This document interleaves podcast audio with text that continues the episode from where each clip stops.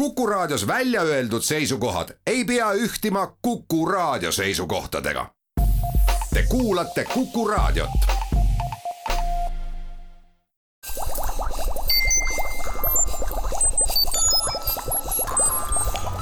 kukkuv õun head Kuku kuulajad, Kuku Õun eetris. käsitleme täna inimesi, kes on saanud riigi teaduspreemia ja oleme külla kutsunud kaks immunoloogia professorit. rakulise immunoloogia professori Kai Kisandi Tartu Ülikoolist, tere! tere! ja äh, molekulaarimmunoloogia professori Pärt Petersoni samast ülikoolist, tere Pärt! tere! see, mille eest teile see preemia anti, on iseenesest ju kõigile inimestele tekstis mõistetav sellest, kuidas immuunsüsteem vananeb ja kuidas ta erinevate viiruslike haigustega ja muude nakkushaigustega toime tuleb, eraldi võetult just nimelt Covidiga. mina olen saatejuht Marek Strandberg ja küsingi alguses seda, et äh, igaüks, kellelt küsitakse, et mis asi on immuunsüsteem, tunneb, et no, no ma ju oskan enam-vähem öelda, et mul on hea immuunsüsteem, ma haigeks ei jää, mul on tugev immuunsüsteem, ma ilmselt ei vaja ka vaktsineerimist ja inimesse on küll koolihariduse ja meediaga ilmselt arusaam immuunsüsteemi olemasolust küll sisse kirjutatud, aga kui nüüd detailsemaks minna, siis millest inimese ja üldse kõikvõimalike elusorganismide immuunsüsteem siis koosneb, Kai? immuunsüsteem on tõesti päris keeruline ja koosneb erinevat liiki rakkudest ja erinevat liiki nendevahelist infot vahendavatest mediaatoritest. ja neid mediaatoreid ja rakke on eritüübilisi, osad äh, tegutsevad selleks, et immuunvastus oleks võimalikult aktiivne, võimalikult tõhus ja teised mehhanismid loomulikult on selleks, et siis seda tõhusust maha tõmmata, kui seda vaja ei ole. ehk siis äh, sama olulised kui need mehhanismid, mis, mis võitlevad erinevate patogeenide vastu, on ka need mehhanismid, mis aitavad säilitada tolerantsust oma kudede suhtes ja mis aitavad siis äh, juba küllaldaselt toiminud immuunvastust maha suruda. kas võib ette kujutada, et kui me võrdleme inimest näiteks mingi ökosüsteemiga, metsaga, ütleme nii et siis äh, kõik need äh, immuunsüsteemi osad on mõnes mõttes nagu erinevad lagundajad, kes on metsas ja on igal hetkel valmis siis mingisuguse nõrkenud või tavatu asja ära lagundama või on immuunsüsteem oluliselt keerukam? Äh, mingil määral võib sellist analoogiat tuua, et noh, põhimõtteliselt on kõige lihtsamini öeldud, on see, et, et immuunsüsteemi ülesanne on võidelda meid ümbritsevate patogeenidega, enamasti need on siis viirused või bakterid ja nendega hakkama saada, noh, kui meil ei oleks immuunsüsteemi, siis äh, päris selgelt igasugune bakter võtaks meie organismist üle. Äh, nüüd see metsavõrdlus, äh, ma kujutan ette, et mingisugune selline paras võsa ja padrik sobiks immuunsüsteemi nagu noh, ütleme võrdluseks küll aga ma ütleks seda, et, et kui ennem oli juttu sellest, et inimesed on äh,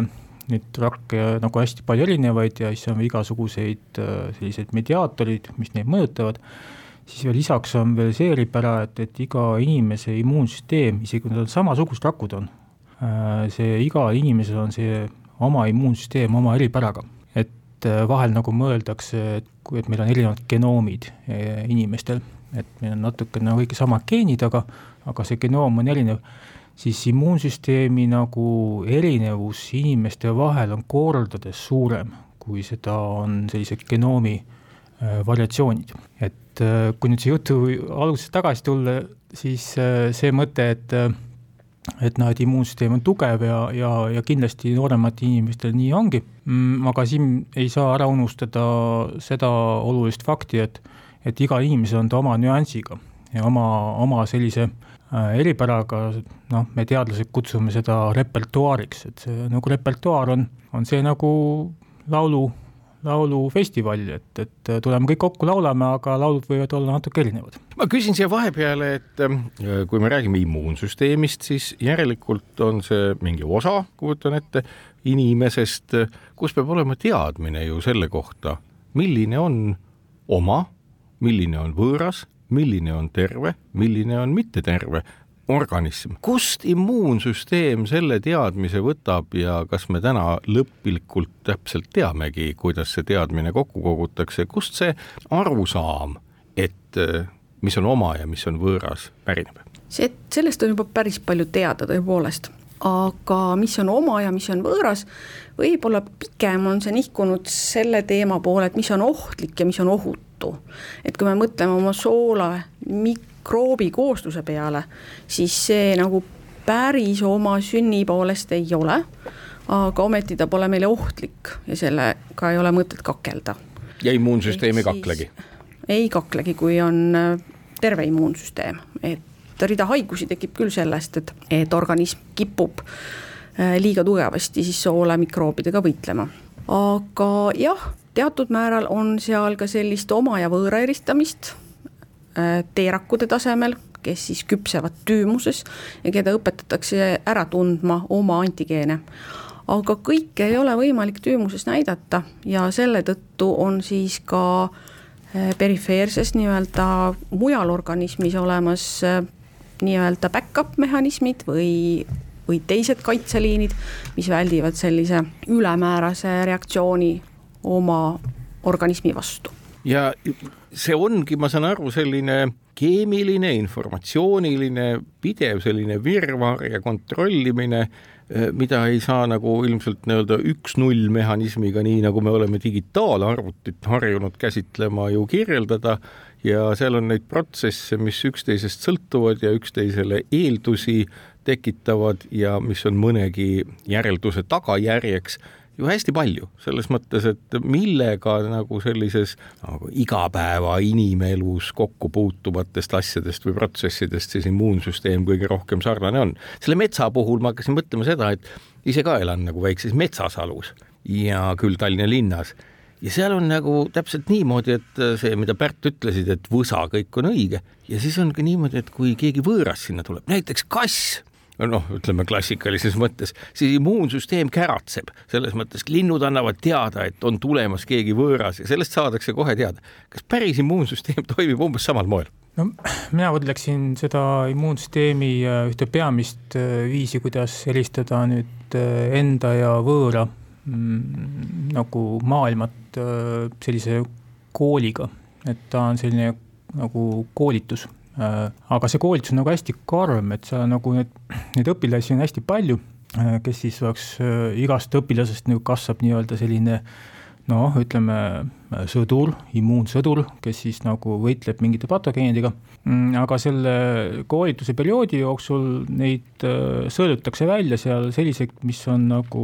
nii-öelda head ja mis on halvad. õigemini noh, tegelikult immuunsüsteem ei tee sellistel inimlikel nagu parameetritel vahet, vaid ta lähtub nagu sellest, et äh, kes siis sobib ja kes ei sobi. ja neid, äh, kes ei sobi, neid tegelikult, neid on palju rohkem ja nendega juhtub selline asi, et nemad tapetakse maha nii-öelda või nad surevad ära. Ja jälgi jäävad ainult need, kes siis sobivad. Ja see on iga inimese natukene nagu omamoodi, no ütleme, omamoodi on see, et, et millised sõdurid sealt nagu siis sealt koolist lõpuks välja tulevad, aga iga inimene selle enda kujundab ja siis on meil nagu selline, selle tagajärjel siis äh, selle nagu väga sellise karmi äh, nagu sõelumise järel siis meil on ainult need, mis sobivad meie enda organismiga ja, ja need, nendest siis moodustuvad teatud kloonid, noh, nagu tähesõdades on kloonide armeed, äh, neid on hästi palju, et need numbrid on nagu täiesti äh, noh, üüratud, et tegemist on nagu mm, ütleme, kümne või saja miljoni erineva sellise klooniga. et need siis ringlevad kogu aeg meie organismis, neid on nagu hästi palju, et, et nad pidevalt siis nagu ootavad seda, et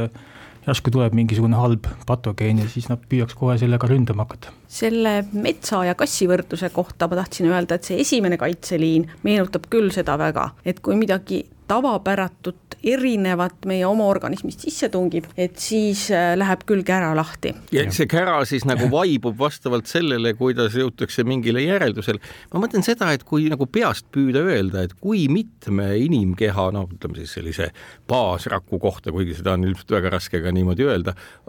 kohta tuleb üks nii-öelda immuunsüsteemiga seotud, seotud rakk, mis see suhe on? Äh, seda numbrit äh,, päris sellist ühte numbrit ei ole aga noh, arvatakse, et et kui me räägime sellisest olukorrast, kus inimene varasemalt ei ole selle konkreetse viirusega kokku puutunud, siis neid võib olla üldse nagu kümmekond või, või sada. aga kui see kokkupuude toimub ja see on siis kogu see nagu vaktsineerimise mõte ju tegelikult näiteks Äh, siis need äh, kloonid paljundavad ennast, neid, see kloonide armee nagu suureneb, siis neid võib olla päris palju, neid võib olla tuhandeid või sadu tuhandeid. et see ongi see asja mõte, et kui korra on nähtud midagi, mingi või mingi kontakt on toimunud või või mingi viirus on tunginud meisse, meil on tekkinud mingisugune selline immuunkogemus, mida me siis teadlastena nimetame immuunmäluks, äh, siis, siis, siis need just sellesama viiruse vastu see kloonide armee on päris suur, täiesti, täiesti arvestatav. kui me nüüd räägime sellest teie tööst, mis puudutas noh, immuunsüsteemi vananemist, siis just sa mainisid seda, et immuunsüsteem on informatsiooniline süsteem. noh, mingis vaates loomulikult ta ei ole ju mingi digitaalarvuti ja bioinformaatika ongi natukene kirjum kui tavalised digitaalsed masinad, siis juhul, kui me räägime immuunsüsteemi vananemisest, siis mida see puudutab, kas see puudutab noh, äraunustamist või sellist nii-öelda vananemisega ajus kaasa käivat fenomeeni või midagi sellist, nagu on näiteks DNA puhul teada, et selle nii-öelda replikatsioonivõime ja täpsus inimese vananedes muutub kehvemaks või see on kombineeritud asi? kindlasti kombineeritud asi erinevates rakutüüpides immuunsüsteemis kindlasti ealised muutused toimuvad, et kõigepealt eh, esimene kaitseliin, mis toimib siis väga kiiresti pärast eh, haigustekitajate sissetungimist, saab ka vanusega kahjustada. ehk siis oleme uurinud näiteks monotsüütide funktsiooni vanades inimestes ja näeme, et eh, monotsüüdid on, on nüüd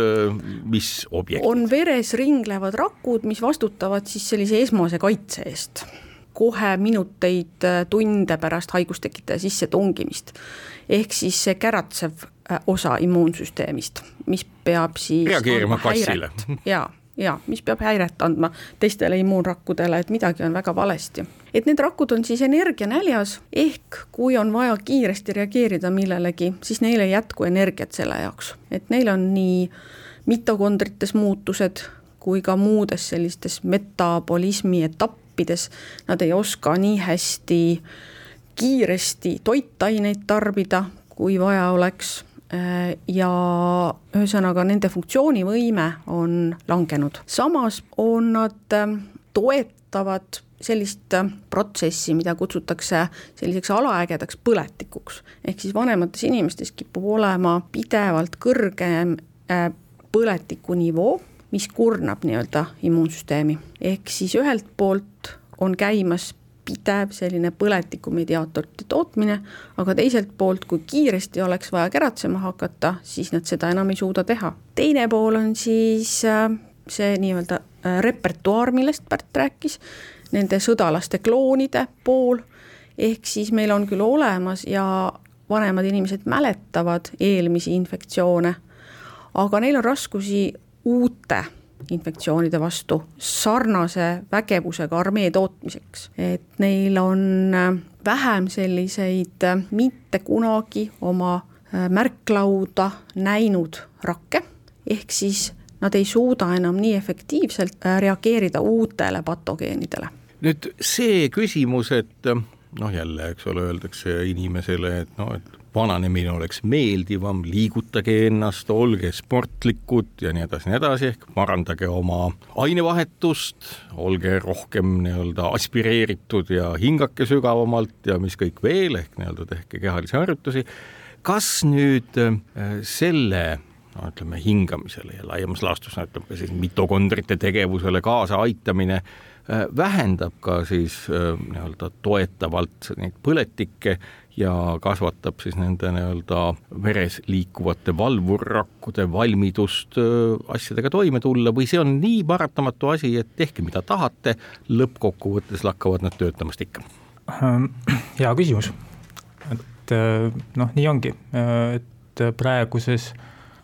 teadmises tundub see, et, et mingid asjad on täiesti paratamatud, vana on noh, vanusega nende rakkude selline äh, aktiivsus ja võimekus äh, siis viiruseid tagasi tõrjuda äh, langeb, selle vastu nagu on midagi noh, see on lihtsalt niisugune protsess, mis tegelikult toimub, siin on palju,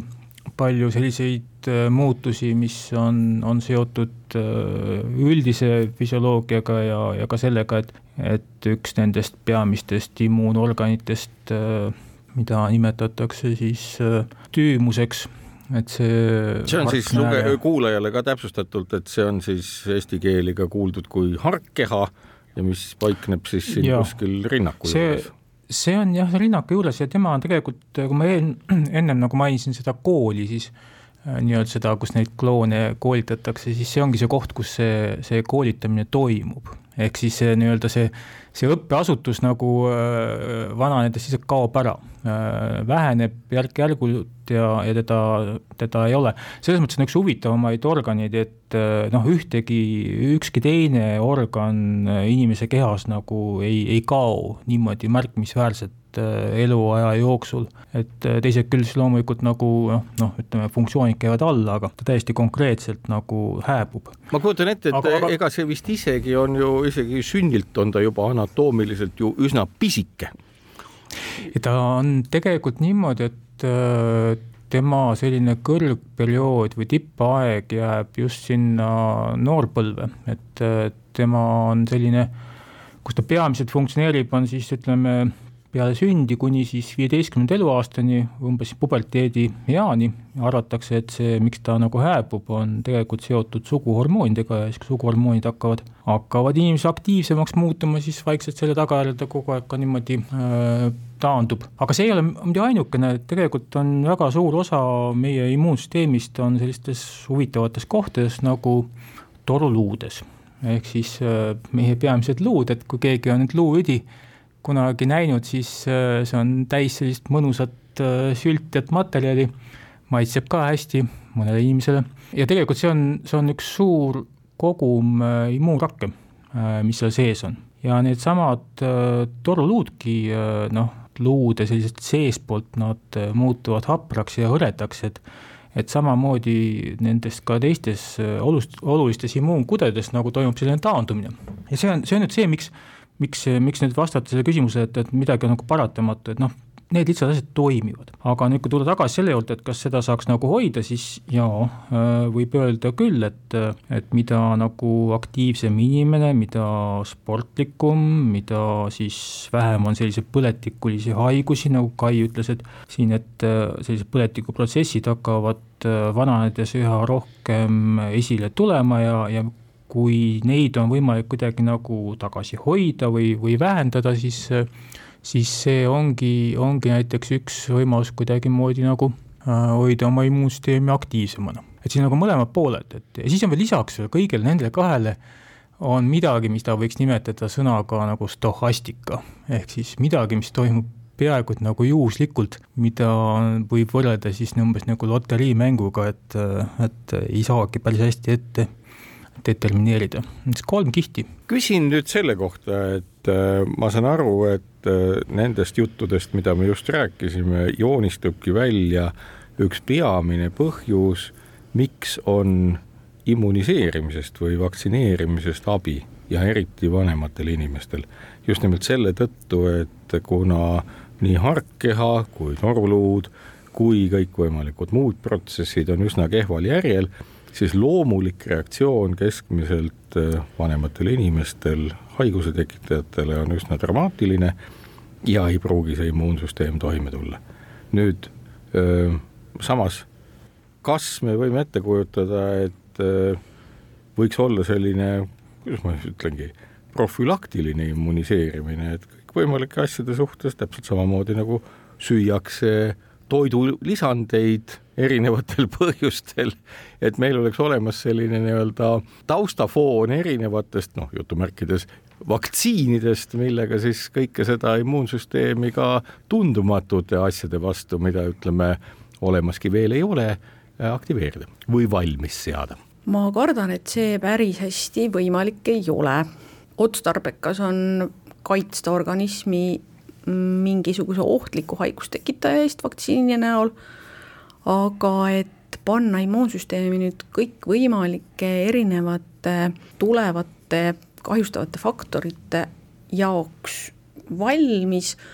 toota väga palju mälurakke, ma arvan, et see ei ole reaalne. ehk et ikkagi jääb seesama mudel, et kui on teadaolev oht, siis tänasel hetkel on kõigile, ennekõike vanematele inimestele otstarbekas ennast vaktsineerida. jaa, aga loomulikult ei ole meil kõigi haigustekitajate vastu olemas vaktsiini ja kõikide haigustekitajate vastu polegi mõtet vaktsineerida ja just, et seal tuleb teha selline mõistlik, mõistlik valik aga kui ma tohin, siis ma räägiksin veel natukene ikkagi sellest, et kuidasmoodi oma immuunsüsteemi hoida ja, vältida selle kiiremat vananemist, et no nii. Et näiteks rasvkude on selline koht, kui teda on ülemäära, siis ta hakkab samuti põletikut tsütokiine tootma nii et kehakaalu hoidmine, äh, tervislik toitumine on kindlasti oluline osa. ma täpsustan vahepeal ka, tsütokiin on see molekul, mis kannabki teavet selle kohta, et mis nüüd asi untsu on läinud ja kannab signaali, et nüüd on meil põletik, kui ma õigesti aru saan. jah, täpselt. ta on teise sõnaga siis põletiku mediaator ehk siis vahendab neid põletikureaktsioone. Ja kindlasti siis veel üks alussammas, kuidasmoodi immuunsüsteemi hoida, on piisav uni ja igasuguse stressi maandamise tehnikad, mis igale ühele meelepärane tundub, seda tuleks teha aeg-ajalt, raamatut lugeda, muusikaga lõõgastuda, eh, mida iganes, aga et püüda siis sellist stressifooni nii palju kui võimalik meeldivate tegevustega alla, alla tuua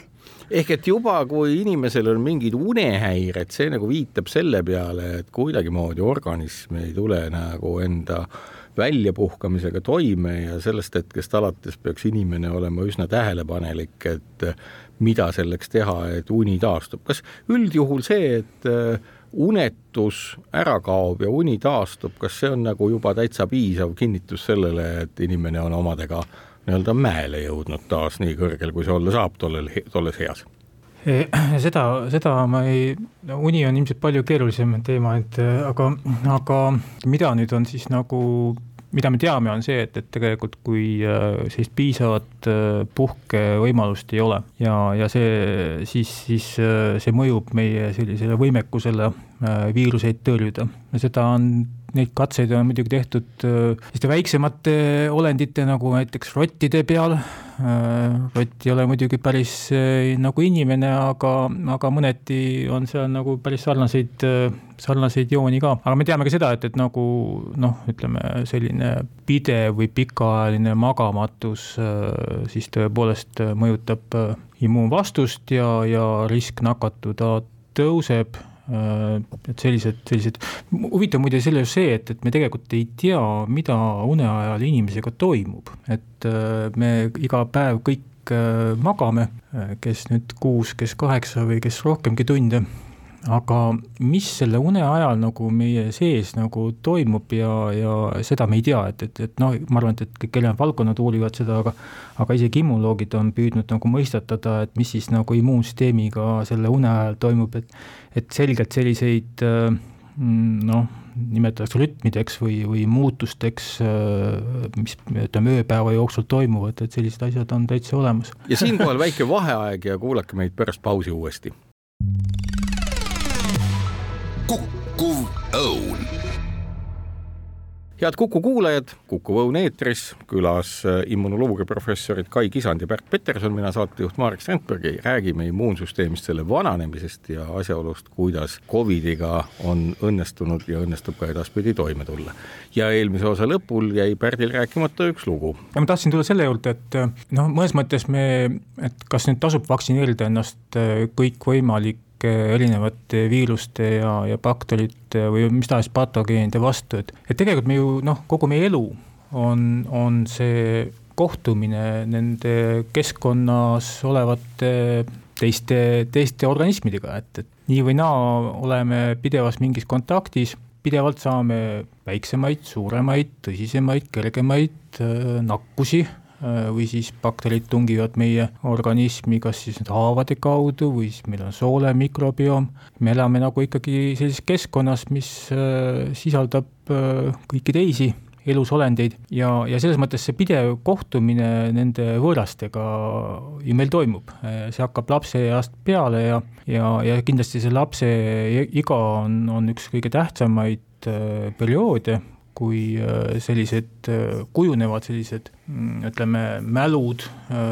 need kogemused, mille põhjal siis hiljem ka neid samu bakterid, viirust ära tunda, ega me kõikide viirustega ei pea võitlema ja me ei võitlegi, et äh, osade viirustega me saame päris hästi hakkama, äh, mõnedega me elame vaata et peaaegu et sümbioosis või siis mingisuguses, ütleme, üksteise äh, neutraalses mõt-, mõistmises ja, ja sama on ju meil ka bakteritega, kes elavad meie sooles ja lõpuks on, on suurt osa meil lausa neid neist vajalikud, et me peamegi neid äh, hoidma, et me nagu muus osas nagu suudaksime hästi toimida ja toitu seedida ja, ja muud. et selles mõttes see, see on meil nagu selline kuidas see on, nagu äh, eluaegne õppeprotsess ja, ja siis äh, selline noh, kui tõesti nüüd vaktsineerida tahaks, siis, siis seda pigem just ikka nagu tõsiste, tõsiste ohtude vastu, kus siis midagi, midagi, mis on täiesti nagu uut või, või ohtlikku, nagu me siin viimased kaks aastatki on olnud. siis jõuamegi sinna, et ähm, kõneleme sellest samast meid tüüdanud koroonaviirusest. et kas immunoloogide jaoks oli selline viiruse tulek kuidagimoodi uudne ja kas nii-öelda selle viiruse saabumisega oli teil mõlemal enam-vähem nii-öelda selge pilt olemas, mis nüüd edasi saama hakkab või oli ka immuunsüsteem inimese oma ikkagi täis üllatusi, nagu ka see haiguse tekitaja isegi? ja loomulikult äh, selle uue viiruse saabudes ja selle haiguse eripärasid nähes tekkis hirmus hasart ja huvi äh, uurida, et mikspärast siis osa inimesi seda haigust nii kohutavalt äh, raskesti põeb. Et mis eristab seda immuunvastust äh, normaalsest immuunvastusest ja mis on selle taga, et inimesed nii erineval moel seda haigust põevad. Ja tänaseks me teame juba päris palju rohkem loomulikult sellest, aga endiselt on üleval erinevaid mõistatusi ka selle haiguse ja viirusinfektsiooni puhul, millest me veel aru ei saa ja, ja mida me ei mõista. ma arvan, et Pärt tahab siin ka veel äh, täiendada no ilmselt see on nii lai teema, aga, aga noh, mõnes mõttes teadlased selles mõttes nagu huvitav rahvas, et äh, kui neile miski tundub nagu põnev, siis äh, noh, see on nagu selline asi, mis neid tõmbab nagu magnetiga ligi ja, ja loomulikult, kui on midagi täiesti uut, ja, ja noh, see ei ole ka, ma arvan, ülepaisutatud väide, kui ma ütlen, et peaaegu kujutan ette, kolmandik maailma immunoloogidest ja juba pooled maailma viroloogidest sisuliselt nagu hakkasid tegelema ühe teemaga, praktiliselt ju pretsedenditu olukord kogu maailma teadusajaloos. Sellist asja pole kunagi varem juhtunud, et selline nagu ütleme, ajupotentsiaal pannakse tööle ühe eesmärgi nimel, et ma just mõtlen, varasemalt vist samalaadne asi oli umbes sada aastat tagasi, see nõndanimetatud Hispaania gripp, siis vist polnud isegi sellist nii-öelda teadlaskondagi veel olemas, et vahepeal ei olegi ühtegi sellist suursündmust olnud, jutumärkides sündmusteks. ütleme, see nüüd Äh, sada aastat tagasi öö, äh, olev Hispaania gripp äh, oli nagu pigem tõdemine või siis ütleme nii-öelda nagu püüd, püüd nagu hakkama saada selle, selle nagu tolleaegse pandeemiaga, aga aga nüüd on nagu see, ma ütlen just see nagu teaduspotentsiaal, mis siia nagu taha pandi, et ma kujutan ette, et, et noh, sellist asja ei tule ka lähiajal et äh, kui see nüüd korra on toimunud, siis äh, see Covidi haigus, kas me tahame või ei taha, see on jätnud oma väga sügava jälje mm, maailma siis äh, noh, kindlasti immunoloogiasse, viroloogiasse, aga ma kujutan ette, et väga paljudesse ka teistesse valdkondadesse ja mingil määral ta hakkab olema selline referentshaigus või siis ütleme, haigus, mille suhtes siis hakatakse võib-olla järgnevat Äh, teadusmaailma tulemusi siis ka võrdlema. et äh, see, see, mis nagu on, on nagu, nagu läbi käidud või tehtud, see on siis äh, sedavõrd suur, kohati on seda isegi liiga palju, et seda kõike nagu suuta nii-öelda aru saada või siis ütleme noh, mm, panna läbi lugeda. läbi lugeda või süsteemi panna, aga noh, selles samas, samas ikkagi jah midagi ei ole öelda, et, et meil on ikka väga palju ka, väga palju ka uut uut kogemust, teadmist ja, ja mis tahes sellist nagu ütleme, võrdlusmaterjali äh, sellega tulnud. ma just hakkasin mõtlema siin, kui oli juttu sellest samast harkkehast ehk tüümusest ja selle aktiivsusest ja sellest, kuidas see mõjutab immuunsüsteemi ja immuunvastuseid, hakkasin mõtlema, et äh, ma ei ma muidugi ei ole mingisugune immunoloogia ajal väga palju asju lugev, aga mõtlen, et kas näiteks mingit sellist võrdlust on tehtud, kus on uuritud, ma ei tea, ilmselt mingisuguse ultraheli või mingi masinaga on võimalik tüümuse suurust kindlaks teha, et korreleeritud näiteks äh, seda, kui suur tüümus on ja kui raske tõbi on, et kas mingeid selliseid seoseid, tavatuid seoseid on püütud hakata ka otsima, kuna tõepoolest see Covid on olnud nii-öelda pandeemiana teaduse mõttes väga rikkalik andmeallikas. on muidugi, et, äh, et sedasama harknääret on siis püütud äh, panna sellesse konteksti, et, äh, et kas see, kuivõrd palju siis inimese immuunsüsteem on, on nagu tugevam või mitte, lisaks on tehtud väga palju mm, ka noh, päris selliseid huvitavaid uuringuid, kus on seesama ultraheliga püütud seda harknääret mõõta ja siis siis on vaadatud äh, nii-öelda inimese nii kronoloogilist vanust, noh, see on siis see, mis me vaatame oma passi äh,, passinumbrit vaadates, aga ka siis nii-öelda sellist nagu bioloogilist vanust, et äh, need, kuidas bioloogilist vanust mõõta, neid on ka erinevaid viise, aga osadel inimestel paratamatult selline bioloogiline vanus on natukene noorem või vanem kui, kui siis selline päris kronoloogiline ja ja, ja seal on leitud näiteks huvitavaid, huvitavaid seoseid, et siis nagu on seesama harknääre on nagu toimekam ja, ja aktiivsem. kui inimene on, on bioloogiliselt noorem? jah et, et selliseid tulemusi on, aga me ütleme seda, et, et ega mis on nagu mm, omapärane või on noh, Covid on andnud meile väga suure teadmise inimese immuunsüsteemist, aga see on sagedasti ka äh, olnud selline, kus me püüame nagu, nagu võtta mingisuguse grupi haigeid ja siis neid uurida. Äh, sellist äh, päris, ütleme, Galileo-laadset katset, et me nagu ütleme, võtame inimesed, vabatahtlikud inimesed näiteks, nakatame neid ja siis hakkame aktiivselt neid jälgima et no neid on ka nüüd tehtud, need, aga need on väga-väga harvad. ma tulen nagu selle jutult tagasi, et noh, selline nii-öelda katse kui selline on inimesi ikka niivõrd raske teha, aga, aga, aga antud juhul siis on tekkinud ka noh, mõningaid näiteid sellest, kus on võimalik juba inimesest tõepoolest katset teha, muidu me ju teeme katseid, eks ole, noh, mudelorganismideks, organismidesse, milleks siis enamasti on, on siis äh, närilised, kas hiired või rotid, äh, mingil määral noh, kasutatakse ka ütleme, makaake, aga, aga loomulikult see, sellised katsed, mis on nüüd ütleme ahvidel, on ikkagi väga kallid ja, ja, ja mitte nagu väga lihtsalt tehtavad. aga noh, paratamatu on see, et, et ega siis inimene on ikkagi inimene ja, ja, ja ja, ja selles mõttes nagu mis tahes närilisel on ikkagi natukene nagu otsa vaatamist, peame ütlema, et hiilerott päris inimese moodi ikka välja ei näe. siinkohal teeme saatesse ka väikese pausi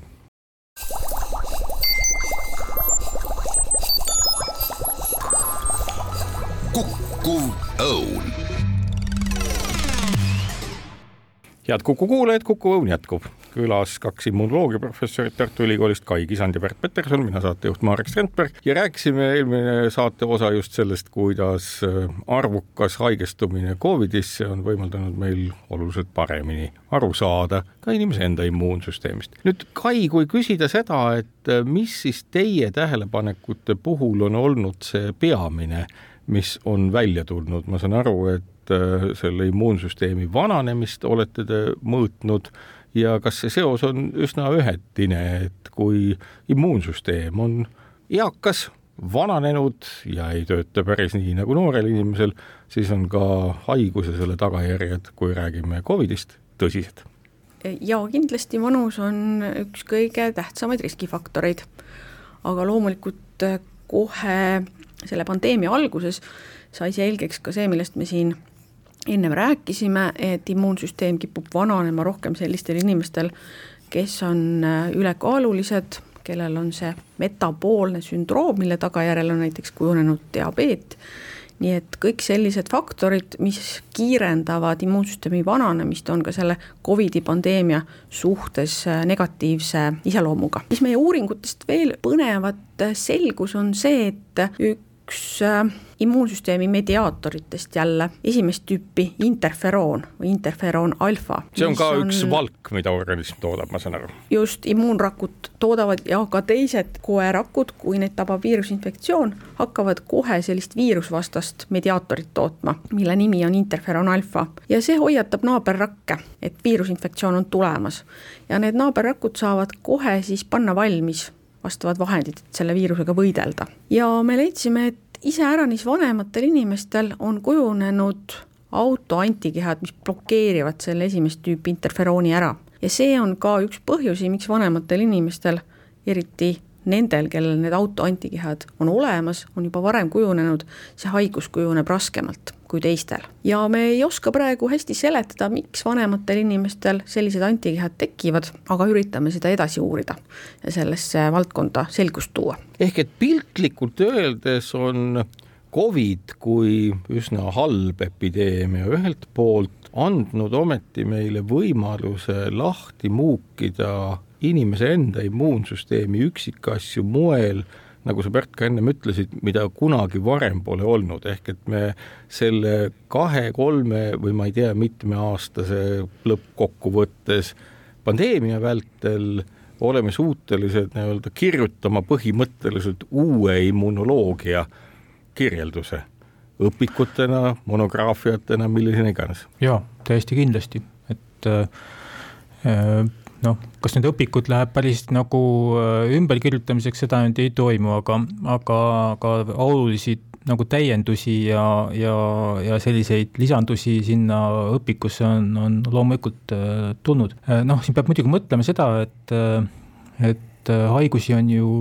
ütleme, nakkusi on ka teisi, et, et meil on siis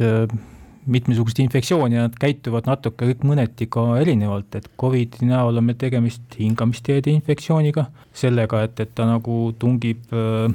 tungib eelkõige siis äh, alumistesse hingamisteedesse ehk kopsudesse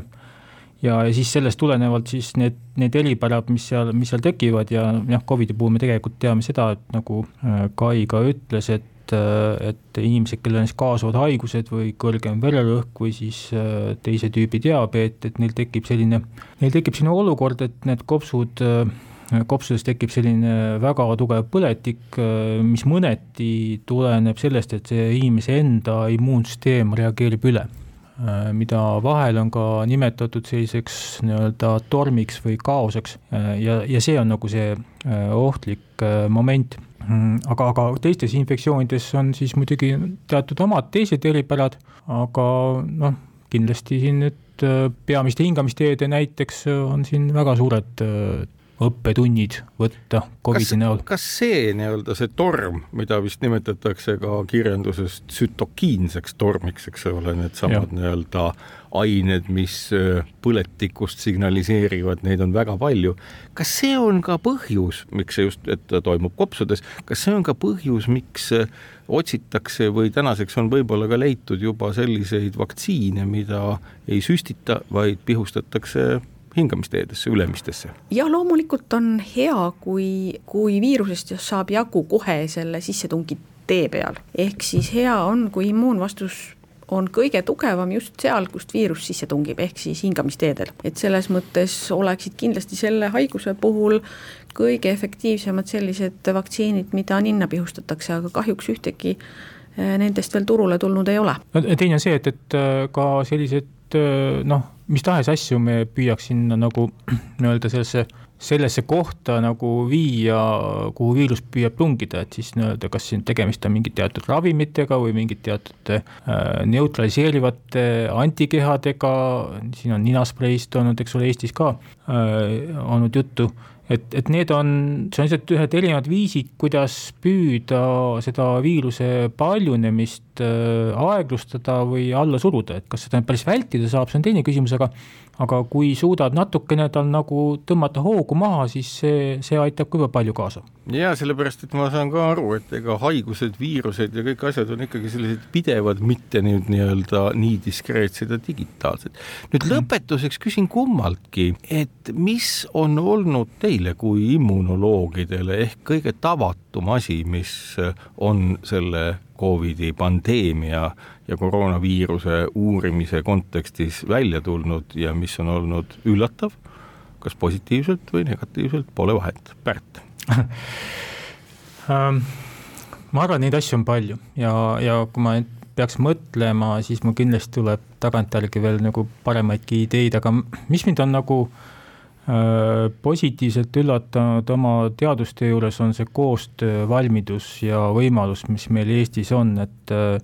me oleme teinud väga palju erinevate osapooltega, siin on Synlab, Kliinikum, erinevad äh, nii-öelda valdkondade mm, arstid ja, ja teadlased, me oleme teinud väga palju koostööd ja mitte ainult seda Eesti sees, vaid ka väljapoole Eestit, et et see, see nagu, kuivõrd palju ikkagi tähendab teaduses selline koostöö ja, ja ühtse, ühtse nagu äh, mõtte eesmärkide kujundamine või eesmärkide seadmine ja see, et see on nagu hästi-hästi kriitiline olnud, et ma ütleks, et nagu see on oluline, mis puudutab sellist nagu see teadustöö tegemist,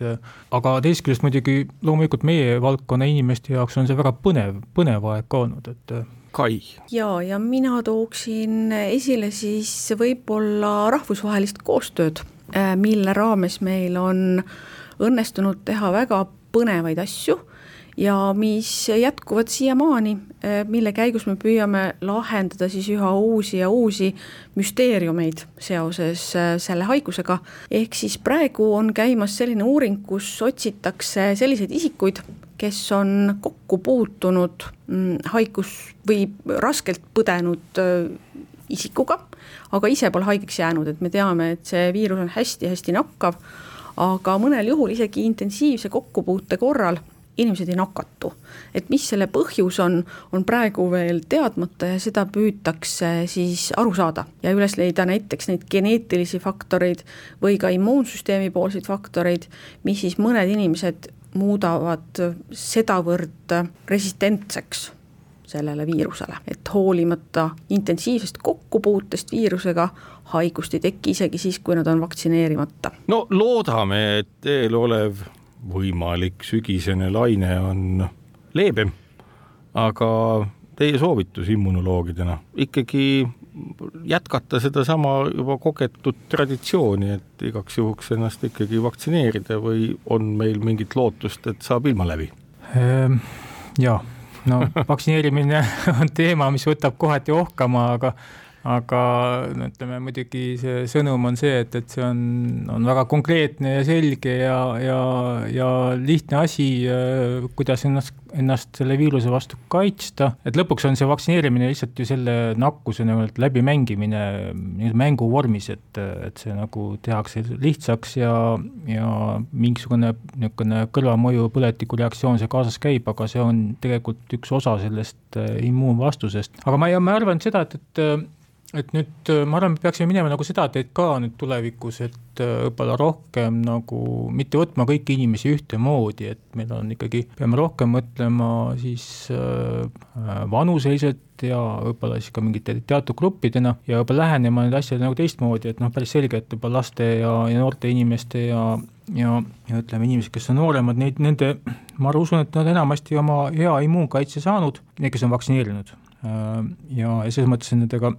on nagu hästi, äh, praegu tegelikult uurime küll väga, väga aktiivselt ka seda, et kui kaua selline nagu immuunvastus kestab ja ma arvan, et see on üks väga huvitav teema, aga, aga oluline on ikkagi tähelepanu hoida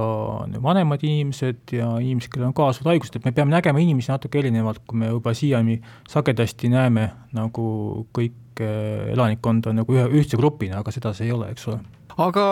tänan, Kai Kisand ja Pärt Peterson, et saite tulla Kuku Õuna saatesse selgitama nii immuunsüsteemi asju kui ka seda, mismoodi see seotud tüütu Covid pandeemia ja selle haigusega, aga igal juhul kõik, kellel on harknääre ehk tüümus kahanemas ja paljud pärast murdeiga seda ju ka on, ähm, on soovitus siiski mõelda vaktsineerimise peale. olge terved ja kuulake Kuku Õuna saadet jälle nädala pärast. kaunist päeva teile. kukk